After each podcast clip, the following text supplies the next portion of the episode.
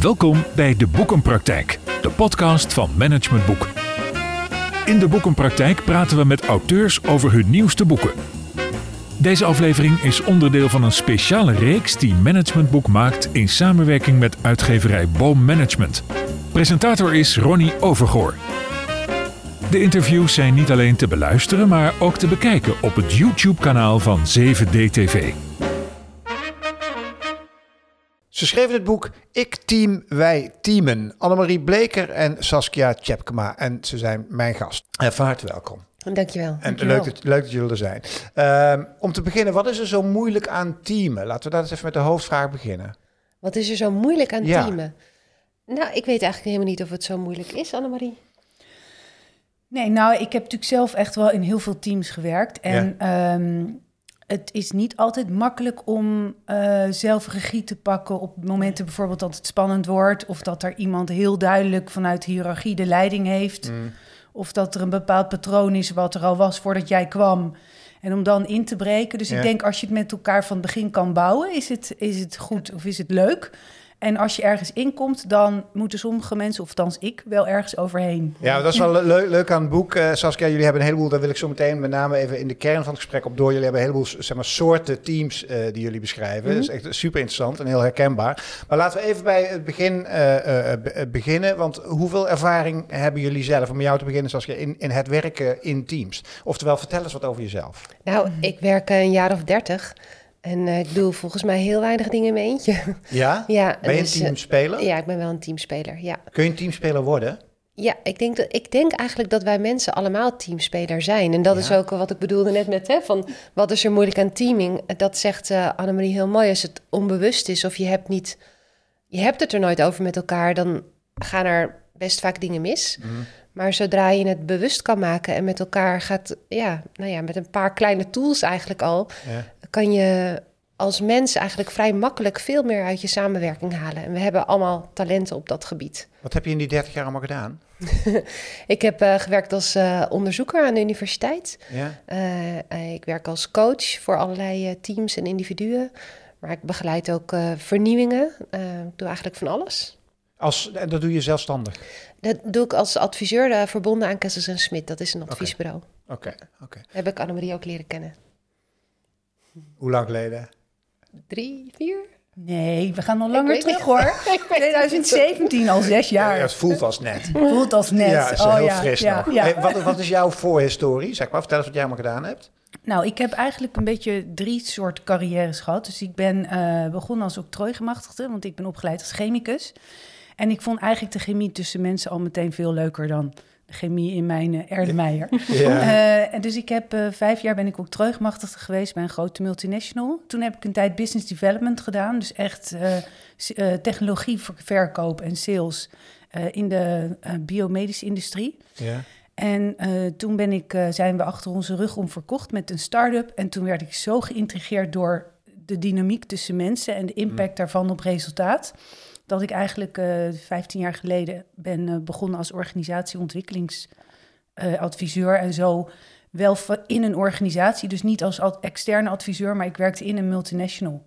En daar werd ik eigenlijk meteen lid van heel veel teams. Oh ja. ja, ja. Ja, dat werkt zo, hè, multinationals. Ja, dus Ja. dat ik denk in acht teams tegelijk.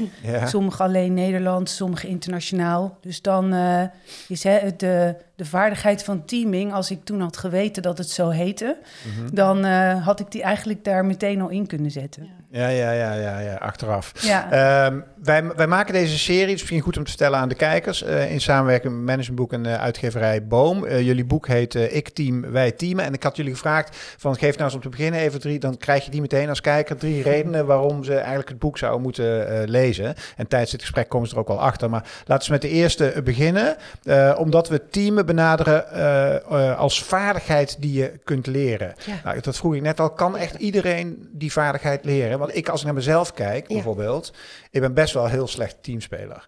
Maar Mhm. aan de andere kant, ik wil dat denk ik ook zijn. Ehm, dus denk je dat iedereen de vaardigheid heeft om... ja, om, Ja, wa- want waarom wil je dat ja, ik ben gewoon een solist. Ja. En dat is natuurlijk ook mijn werk, weet Ja. je wel. Ik bedoel, Ja. ik, ik werk wel kortstondig met teams Ja. om een congres voor te bereiden als dagvoorzitter. Maar daarna sta ik toch in mijn eentje te shine op dat Ja. podium. En kan ik lekker datgene doen wat ik zelf wil. En daarna Ja. zeg ik, joep doei. En dan ben ik weer weg. Dus ik ben een enorme solist. Nou ja, Ja. en toch, voor dat kleine stukje dat je het Precies. en wel even met een groep moet doen, heb je, is het wel, eh, is teaming als vaardigheid, als je die in kunt zetten, wel heel handig. Dat is waar. Dus je, het is niet zoiets dat je dan voor altijd alleen maar dat aan het doen bent, maar Nee. net als andere vaardigheden, op het moment dat je het nodig hebt, weet je wat je in huis hebt en wat je in kunt zetten. Dat is misschien ook wel een beetje het pleidooi van ons boek. Van zie het als een vaardigheid. Het is niet zo dat mensen teamspeler zijn of niet. Ehm, maar je kan altijd naar een samenwerking kijken. En wat heeft die samenwerking nou op dit moment nodig? Ja, precies. En dat is uiteindelijk ook in je eigen belang. om het zo ja, leuk en effectief mogelijk te maken. En het af te stemmen op elkaar. Is dat in sync dan, het eigen belang en het groepsbelang? Ja, wat- ja, dat denk ik wel. Eh, niet altijd. Dus je kan. hè, we werken in ons boekje met het idee van teamlid zijn. En teamlid zijn betekent dat je zorgt voor jezelf, je eigen belang. eh, dat van de groep. Wat heeft het groepsproces proces nodig? En Ja. de taak. Soms valt dat samen en soms staat dat op gespannen voet met elkaar. Dat kan ook in hele kleine dingen zitten. Hè. Je zit vijf minuten voor het einde van de vergadering. Iedereen wil afronden en jij hebt nog een heel leuk idee wat in je hoofd opkomt. Omdat je, het is een heel hypothetisch voorbeeld dit, Annemarie. wat je echt even wil, eh, wil delen nog. Maar dat je denkt, ja, maar dat moet ik eigenlijk nu niet doen. Want eh, we, we moeten gewoon afronden. Dan, hè, ik, Ja. eh, Dan gaat het groepsbelang even voor. precies. Ja, ja. Dus het gaat volgens mij vooral om te zien dat je als teamlid al die drie de belangen in het Ja. oog hebt te houden. En welke gaat er dan voor? En Ja. soms is het voor jezelf opkomen, of in ieder geval iets voor, eh, voor het voetlicht brengen wat belangrijk voor je is. Ja. En soms denk je, nou ja, dit negende idee van mij is misschien nu niet in het groepsbelang. Eh, of de taak moet nu even Ja. door, dus ik doe Ja. het niet. Dus Ja. het is Maar, steeds die ja. balanceren. ja. En zelfs dat, hè, dat je. Ik was laatst met een team aan de slag. En eh, onder andere met, het, eh, met de talen die we in dit boek eh, ook delen. ja. Eh, mensen kunnen verschillende talen spreken in een team. Dus Ja. de ene is gericht op de actie, de andere op de relatie. En in dat team eh, hadden we even een, hadden een pittig gesprek gehad, zij onderling. En we deden even een procescheck. Dus ik vroeg iedereen, gewoon neem even vijf minuten. Kijk met je buurman of buurvrouw, wat heeft dit gesprek nu nodig? Hè? Is het, hoe vond je dat het ging? En toen begonnen we weer. En toen zei een van de collega's uit het team... die maakte eigenlijk een relatieopmerking. Daarvoor had het heel, was het heel erg over de taak gegaan. En zij zei, goh, ik heb, het- we hebben het nu allemaal goed afgesproken... maar ik wil eigenlijk toch nog even weten... vroeg ze aan haar ene collega... hoe zit je er nou eigenlijk in? Heb je nu zin in die klus? En het was precies de goede vraag. En zij stak op dat moment haar nek uit... je zou kunnen zeggen, tegen haar eigen belang in. Want het was helemaal niet gebruikelijk om dat in dat team te, doen. Maar eh, de vraag landde zo goed en iedereen waardeerde dat ook. En dan is het uiteindelijk ook... eh, er kwam er gewoon een heel belangrijk gesprek op gang. Ehm, en dan is het uiteindelijk toch ook weer in je eigen... Ja, je doet iets voor het team, maar ja. uiteindelijk is het ook weer goed voor jou. Sorry. Belangrijk om dingen die onder de oppervlakte zitten aan de oppervlakte te halen. Is dat wat ik hier ook hoor? Soms wel, eh, maar teaming kan ook zijn. eh hè, wij werken met ehm, een model wat wij ooit geleerd hebben om te analyseren. Wij zijn als teamcoaches, hebben we natuurlijk heel veel van die brillen geleerd... om te kijken wat speelt er in een team. En een paar daarvan delen we in het boek vanuit het idee... dan kan iedereen zijn voordeel ermee doen. Ja, die En- hebben we trouwens wel heel zorgvuldig uitgekozen. Ja, niet Want zomaar. misschien eh, zo nog even leuk om te zeggen. Want als teamcoaches vinden wij natuurlijk het heel leuk om naar teams te kijken en hun interactie en daar taal aan te Ja. geven. En welk appel voel je nu? En er is allemaal prachtig eh, jargon wat, wat ons heel erg interesseert. En een teamlid, als teamlid wil ik gewoon iets hebben waarvan ik denk, ja, de kans is groot dat ik het ga doen. Ja. Want ik vind het aantrekkelijk of het is duidelijk voor me. Ja. Dus ook, we hebben wel gekeken naar welke drie eh, brillen, zoals we dat zo mooi noemen, ehm, denken wij nou dat een teamlid die gewoon snel pakt en snel mee aan de slag kan. Want als teamlid ben je ervoor met elkaar een klus te klaren. Ja, het gaat, ja En dat- precies. Het, Ja, Eh, dat haakt het wel team is mooi. het middel. Ja, precies. En dat Ja. haakt wel mooi aan, jou, eh, aan jouw vraag van... moet dan altijd die onderste steen boven? Want dat is Mm. inderdaad wel vaak wat mensen denken. Hè? Teamwork, ingewikkeld, onderstroom. Ja, ja. Eh, soms houdt dat mensen ook tegen om er wat mee te doen. En een van onze favoriete modellen begint eigenlijk met... kijk ook even naar de harde structuur. Dus hoe is de samenwerking geregeld? ingericht? Hoe is het geregeld? Zijn er werkafspraken? Is Ja. dat duidelijk? Zit je op dezelfde verdieping met elkaar? Ehm, Want kun je dat drie lagen model even uitleggen van die harde structuur en die andere twee lagen? Ja, dus eigenlijk om te kijken wat er in je team aan de hand is, ga je kijken naar die harde structuur. Dus alles wat je beet kan pakken, de opdrachtomschrijving, rolverdeling, werkafspraken. Zit je aan tafel, zit je op banken, Ja, hè, alles, alles. ja. Heeft heel veel invloed op gedrag. Dus dat is het eerste waar je naar gaat kijken. Wat, hoe beïnvloedt dat de manier waarop we met elkaar omgaan in het team? Ja. En eh, die kan dus heel, die hoef je niet altijd te kunnen veranderen, zeggen wij. Hè? Zeker in grote organisaties. Er staat er veel vast in protocollen, maar je kunt protocollen, maar je kunt wel zien wat het effect is ervan. Dus als mensen op een andere manier beloond worden dan jij, zal dat impact hebben op Ja. hoe zij in de samenwerking staan. Dus dat is niveau 1. Ja. Nou- En na de harde komt er waarschijnlijk, laat maar raden, de zachte. Nee, de interactiestructuur. Oh, nee. nee. Ik ben sowieso niet van het verschil tussen harde en zachte structuur. Nee, harde structuur is eigenlijk alles wat je vast kan pakken Ja. of wat is geregeld. De tweede is de interactiestructuur. En die is vaak het meest zichtbaar in een groep of in een team. Dus dat is wat gebeurt er als jullie met elkaar in gesprek zijn. Wie is er dan veel aan het woord? Wie zegt nooit wat? Aha. Wat is het typische moment bijvoorbeeld dat jij, Ronnie, wat gaat zeggen? Hè? Op welk moment zit dat meestal in ons gesprek? Mhm. Dus dat zijn allerlei patronen. En die leggen we uit aan de hand van dat mensen vier rollen kunnen hebben in een gesprek. Ze kunnen initiatief nemen of ze kunnen juist correctie bieden. Ze kunnen volgen of ze kunnen een beetje perspectief geven. Mhm. En de drie talen die Saskia net zei. En een- het, je kunt het eigenlijk zien als bouwstenen. Als je die als team kent en je weet ze goed te stapelen, dan kun je echt heel snel hele mooie dingen maken met elkaar.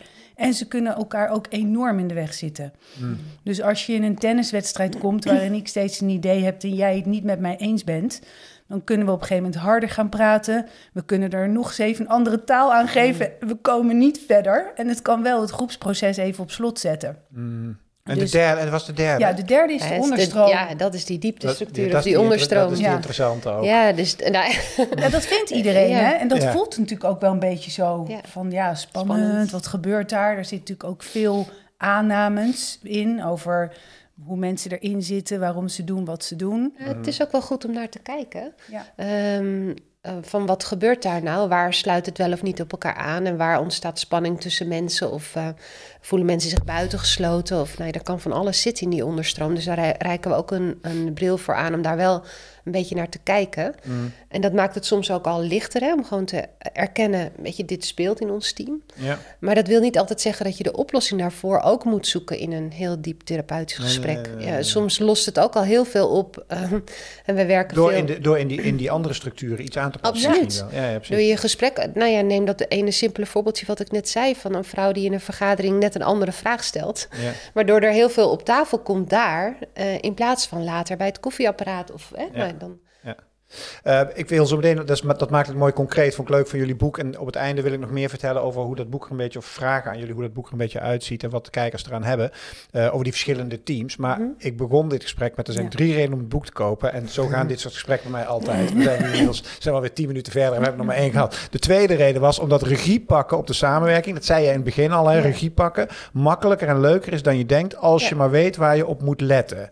Ja. Eh, maak, maak dat eens concreet. Wat bedoelen jullie daarmee? Want moet je altijd regie pakken dan? Nou, Mm. je, in ieder geval wil ik graag dat je, of willen wij graag, dat je als teamlid je wel altijd gemandateerd voelt om iets te gaan doen. Als Ja. jij denkt dat dat bijdraagt Ja. Ja. eh, aan dan wel hoe jij in de wedstrijd zit, dan wel waar de groep is of de taak. Dus daarom is misschien nog wel even leuk te zeggen, dus teamen zien wij ook echt als werkwoord. Dus het is Ja. iets wat je doet en wat je als teamlid dus ook kunt doen. Alleen, en dan kijk ik ook weer even naar mezelf, maar volgens mij had jij dat ook in het begin. Teams kunnen ook echt heel spannend zijn. Ja. Want wat gebeurt hier nu eigenlijk en waar moet ik dan eigenlijk op letten? En als ik een beetje weet hoe ik moet letten, hoe kan ik dat dan taal geven op een manier die, die landt bij de groep? Mm. En dat is best nog wel spannend. En er zijn wel heel veel vergaderingen geweest waarvan ik dacht, er zit hier iets helemaal mis, maar ik weet niet hoe ik het moet beetpakken. Nee. En ik weet eigenlijk ook niet zo goed ehm, hoe ik het eh, zou moeten framen. Ja. En dan is het wel fijn om te zeggen: wij geven je een hele heldere bril. Waar je altijd door kunt kijken. Mm. Maar waarmee je niet alleen het team, maar ook vooral jezelf, wij noemen dat op de foto zet.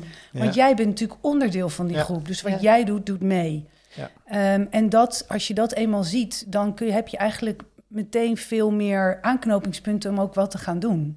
Ik denk dat zeker voor een millennial generatie, om even zo te noemen, hè, waar natuurlijk die heel veel in de Mhm. aandacht staat nu, als het gaat om hoe zien zij werken, Ja, hoe gaan ze daarmee om, is denk ik dat regie pakken voor, voor die generatie juist heel erg belangrijk. Hè? Het gevoel dat ze de regie hebben. Absoluut. En regie hoeft niet, dat kan inderdaad. Ja, soms denk je dat het niet aan jou is ook, hè? Dat de Ja. voorzitter het moet doen of de, eh, nou ja, de teamcoach of de manager. Mhm. Ehm, en er gaat wel iets open als mensen het gevoel hebben van, nou, maar ik kan en mag dat zelf ook doen en ik heb die tools ook. En ik was, oh, je hebt het over millennials, maar ik was vorige week gaf ik een gastcollege aan de Hogeschool van Amsterdam. En oh, studenten doen het ene groepswerk na het andere. Ja. Die ja. eh, en en we, het gastcollege liep helemaal uit de hand, want mensen gingen helemaal aan de haal. Maar Dus met die brillen, oh, je hebt gewoon drie verschillende talen. En dan meteen met elkaar ook bespreken waarom dus in een vorig werkgroepje iets uit de hand gelopen was. En, en er komt een soort eh, lichtheid in die heel prettig is, omdat je het erover kan hebben met elkaar tegelijk. Het is eigenlijk best bizar hè, dat, dat eigenlijk iedereen in teams werkt. Maar het is hetzelfde alsof je iedereen een auto geeft, maar niemand hoeft het rijbewijs te halen Ja. of zo, hè, een beetje. Toch? Nou, dat vind ik wel we mooi doen. dat je dat zegt. Ja. Want teams zijn natuurlijk zo gewoon als organisatievorm... dat we er eigenlijk van uitgaan dat iedereen dat wel kan. Ja. Of dat wel weet. Ja. Hè, en we, gooien, we hebben, zitten dan in meerdere teams tegelijk... met allemaal verschillende doelen, belangen, samenstellingen. En doe het maar even. Ja. Ja. Terwijl het ook echt iets is, en dat is ook ons pleidooi... waar je ook echt wel even wat in mag oefenen en Ja. leren en Ja. ontdekken. Ja.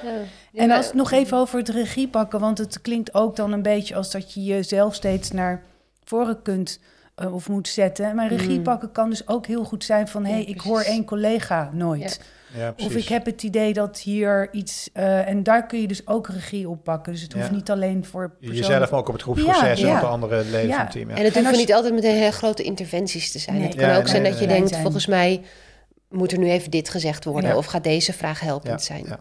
Het, en het derde, maar dat hebben we eigenlijk al een beetje behandeld. Dan wil ik naar die verschillende teams eh het toe. Omdat jullie, jullie hebben het woord al een paar keer genoemd, omdat jullie een bril aanreiken om de situatie in je team te snappen. En ook meteen laten zien hoe je die kan benutten in tien lastige situaties. Nou denken mensen, ja, wat zijn het dan die situaties? Moeten lekker een boek gaan kopen. Eh, maar maar, maar laat, laten, we, laten we eens naar die... eh, ja, ik kan het hele boek gaan behandelen, maar dat, dat, dat- daar is deze podcast te, eh, te kort voor. We hebben een, jullie noemen een aantal verschillende teams. En ik pik er even een paar uit. Ik heb ze hier opgeschreven die ik wel interessant eh, vond.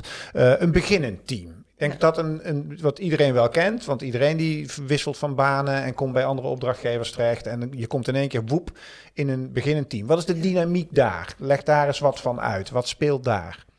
Nou, in een beginnend team heb je bijvoorbeeld heel weinig harde structuur nog. Ja. Eh, dus een van de eerste dingen die je kan doen is dan ehm, ja, gewoon ook heel simpel afspraken maken en zorgen dat ze ook helder zijn. Want mensen komen wel met allerlei verwachtingen omdat ze in andere teams gezeten hebben over wat eh, je rol is als teamlid of wat jij als voorzitter doet of waar het werkoverleg wel of niet over gaat. Ja. Allemaal hele simpele dingen, maar als je ze niet afspreekt, kan daar eh, heel vaak gedoe op ontstaan, zelfs in de onderstroom.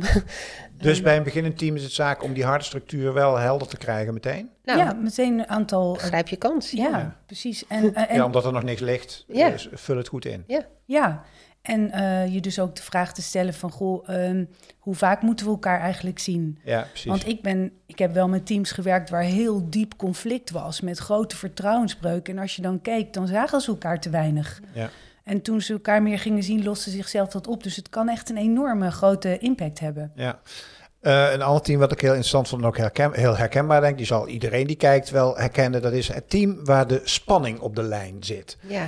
Eh, nou, dat, ik denk dat iedereen, hè, dat is namelijk wat je overdag dan niks mee doet, maar s'avonds thuis, Mhm. dan ga je het erover hebben. Van goh, vandaag, eh, eh, hoe gaan we om met spanning op die lijn? Ja. Wat Ja. dan? Wat is jullie advies? Nou, dus daar kijken we ook weer door die bril. En ik denk wat ik net tegen je zei, is dat er soms heel veel spanning op de lijn kan zitten, omdat er iets in de harde structuur niet klopt. Namelijk, je ziet elkaar te veel. Dat kan ook, hè? Teams Ja. die, of groepen die eigenlijk helemaal niet zo heel veel samen doen, maar wel steeds elke week dat rondje langs de velden moeten maken. Daar kan ook echt spanning van komen. Dus je harde structuur is altijd eentje, vind ik, die je meteen moet bekijken. En het tweede is, hoe stevig is je interactie? Eh, want eh, de interactiepatronen waar we het net over hadden, eh, als je elke rol of elke taal voldoende ruimte geeft en ook de kwaliteit ervan ziet, Ja. dus iemand die steeds tegen is, hè, dat kan heel veel spanning geven in een team. En dat tegen, dat staat ergens voor. Die, ze willen achter. graag een correctie aanbieden of er is iets belangrijk wat geen aandacht krijgt. Dus kun je daar, kun je met elkaar zeggen, hey, dit levert spanning op. En waar, waar zit dat eigenlijk in? Kunnen we dat eens onderzoeken? En soms, ik denk ja, de kern is dat we eh, aanraden, maak een foto. Dus pak dat Ja. model er eens bij. En wij eh, geven ook al heel lang een, eh, samen een eh, hè, verzorgen Ja. een leiderschapsprogramma op de Universiteit. En er komen allemaal UHD's van allerlei dus, eh, docenten van allerlei achtergronden. Dus er zitten natuurkundigen, wiskundigen, politicologen. Mensen zijn natuurlijk in hele andere dus, eh, Werelden. werelden geschoold. Werken dus ook in heel andersoortige teams samen. En dan besteden we een hele dag aan pak nou eens een, een teamsituatie die je lastig vindt. En dat is best wel vaak een team waar spanning op de lijn zit. Ja. En we gaan gewoon heel rustig, we maken gedurende de dag gewoon een analyse. Maak analy kijk, eh hè, pel het af. Kijk, wat zie je in die harde structuur? Kijk, wat zie je in die interactie? En ook kijk, wat zie je in die onderstroom? En het is zo grappig hoe mensen eigenlijk in het begin dan vaak een soort van buikpijn hebben. Heel veel verhaal ook over dat team. En Ja. vaak zoeken we als mensen ook verklaringen voor lastig gedrag in, in wat andere mensen doen. Hè, dus eh, nou ja, jij eh, roept altijd bezwaren in het overleg, eh, Ronnie. Of je bent inderdaad, je bent helemaal geen teamspeler, je bent een solist. En daardoor hè, is er geen afspraak te maken met jou. Ja. Als ik een afspraak met jou maak, dan is dat voor jou een soort vage En, eh, Dat is een aardige omschrijving. Ja, dan, dan, dan kunnen wij het dan over hebben en dan snappen we. Maar het grappige is dat als je dat even niet meer doet met elkaar, maar je gaat Ja, ja. heel rustig zitten en zo'n foto maken.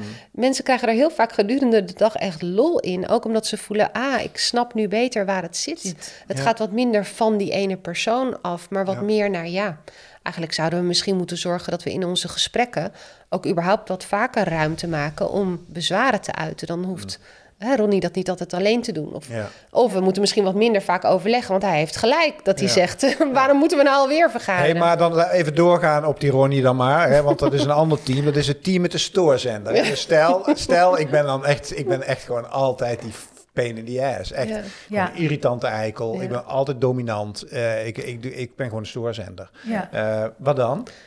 Nou ja, dus... Die is ook eh, herkenbaar, denk ja, ik. die is hè? echt super herkenbaar. En ehm, ik denk dat het dan heel makkelijk is om jou steeds meer te gaan stereotyperen. Eh, en ik denk dat het ook Ja. heel menselijk is. Hè? Dus Ja. laten we even zeggen dat heel veel van dit soort dingen zijn ook menselijk. En wat wij graag willen doen is... stap er nou eens even helemaal uit.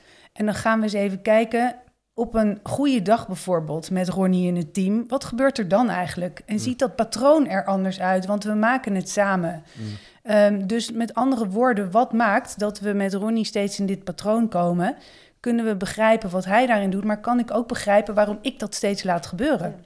Of wij dat steeds laten gebeuren? Want als iedereen het zo vervelend vindt, Ja, waar- waarom is het ja. dan nog steeds zo? Dat komt toch omdat wij iets tolereren of iets uit de weg gaan. En eh, daar zeg maar beter zicht op krijgen. Mhm. En dus ook te kijken, wat doet Ronnie dan?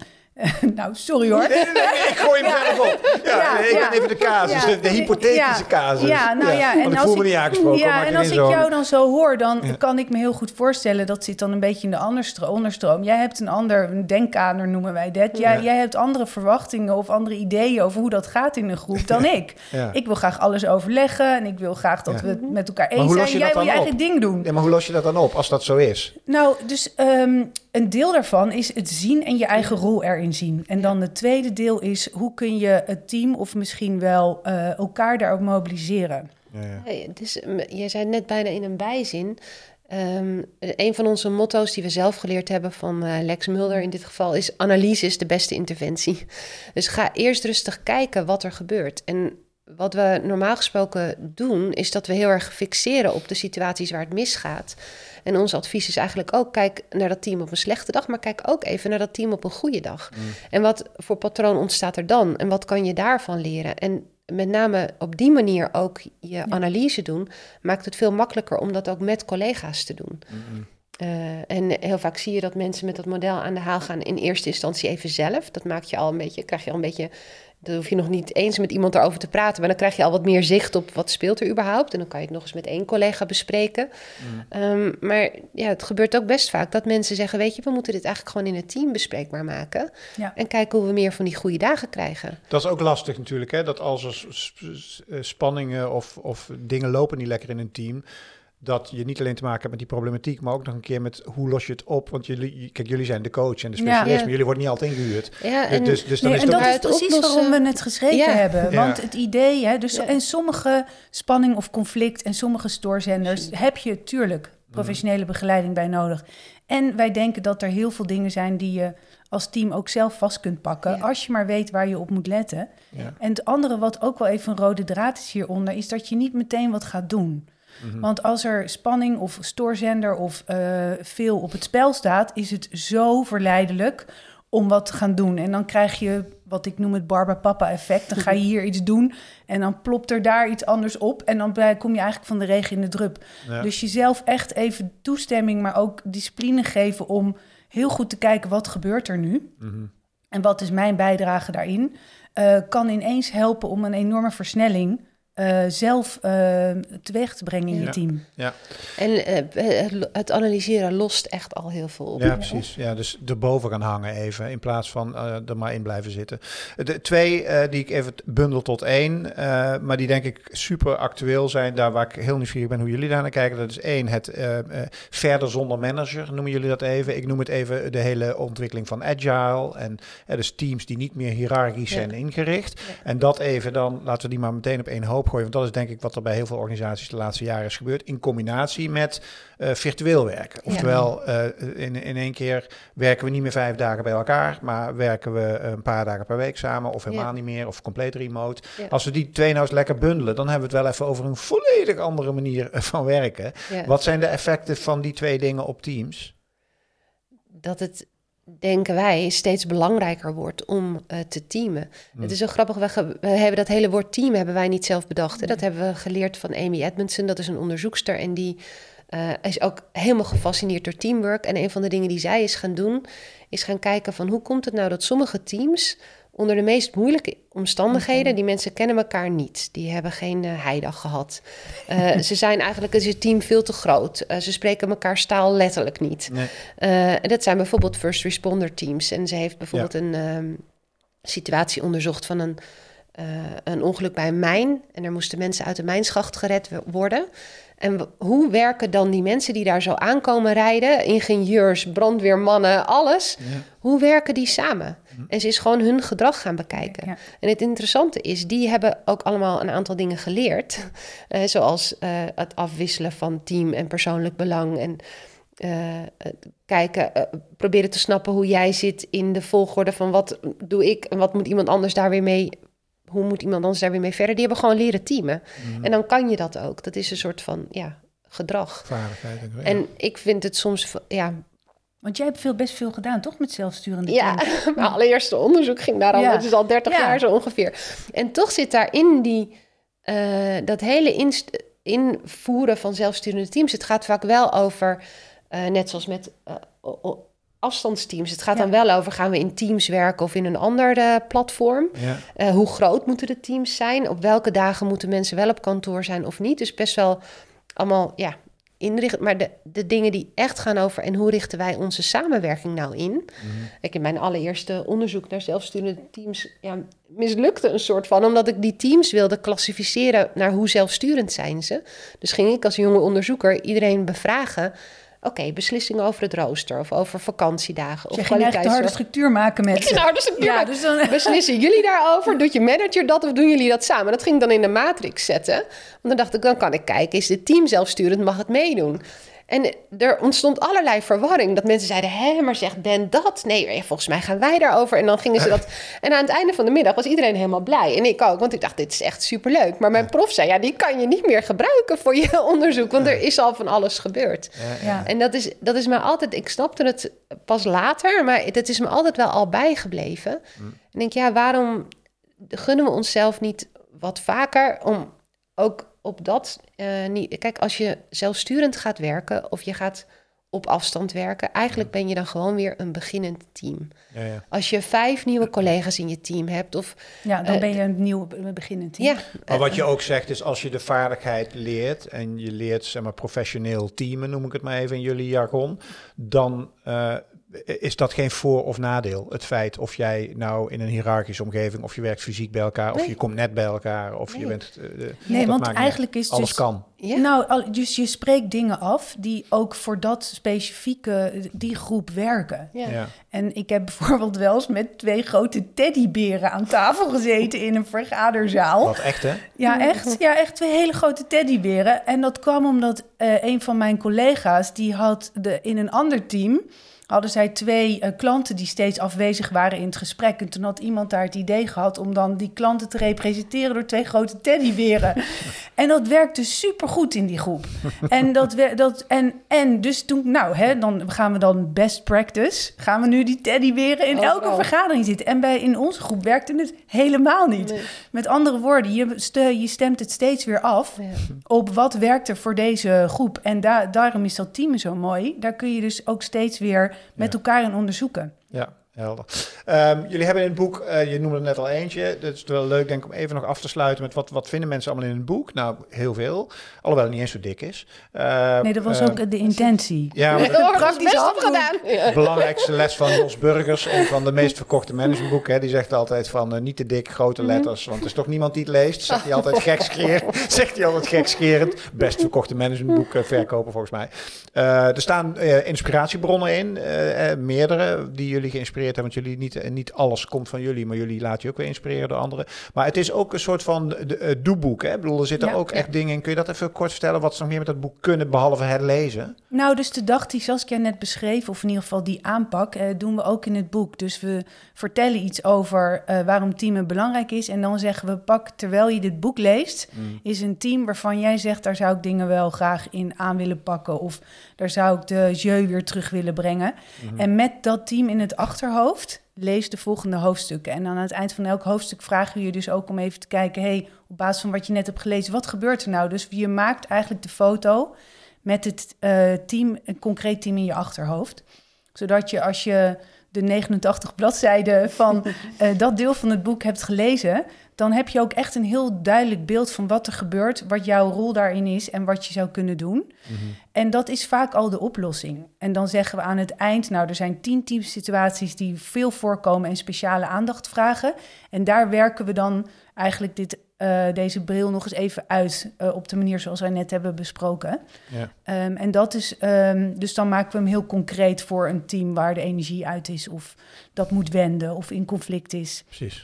Ja. En we hebben nog eh, een aantal werkvormen. Ja. We hebben eigenlijk Ja. een aantal van onze lievelingswerkvormen die je kan gebruiken als je met je team aan de slag wil. Ja. Daar ook eh, in gezet. Dus die kan je gewoon kopiëren en eh, Inzetten. inzetten. Ja. Eh, Saskia en Annemarie, dank jullie wel eh, voor, jullie, eh, voor jullie verhaal. En ehm, eh, ja, beste kijkers, ik team, wij teamen heet het boek. Eh, en het is uh, uitgegeven door uitgeverij Boom. En eh, deze serie maak ik samen met Managementboek en uitgeverij Boom. Mocht je nou denken, ja, dat boek dat wil ik hebben en dat wil je, dan kijk je in de beschrijving. Zowel als je op de podcast zit te luisteren, staat die erin. En zit je op YouTube te kijken, dan vind je ook in de beschrijving een link om het boek direct te kopen.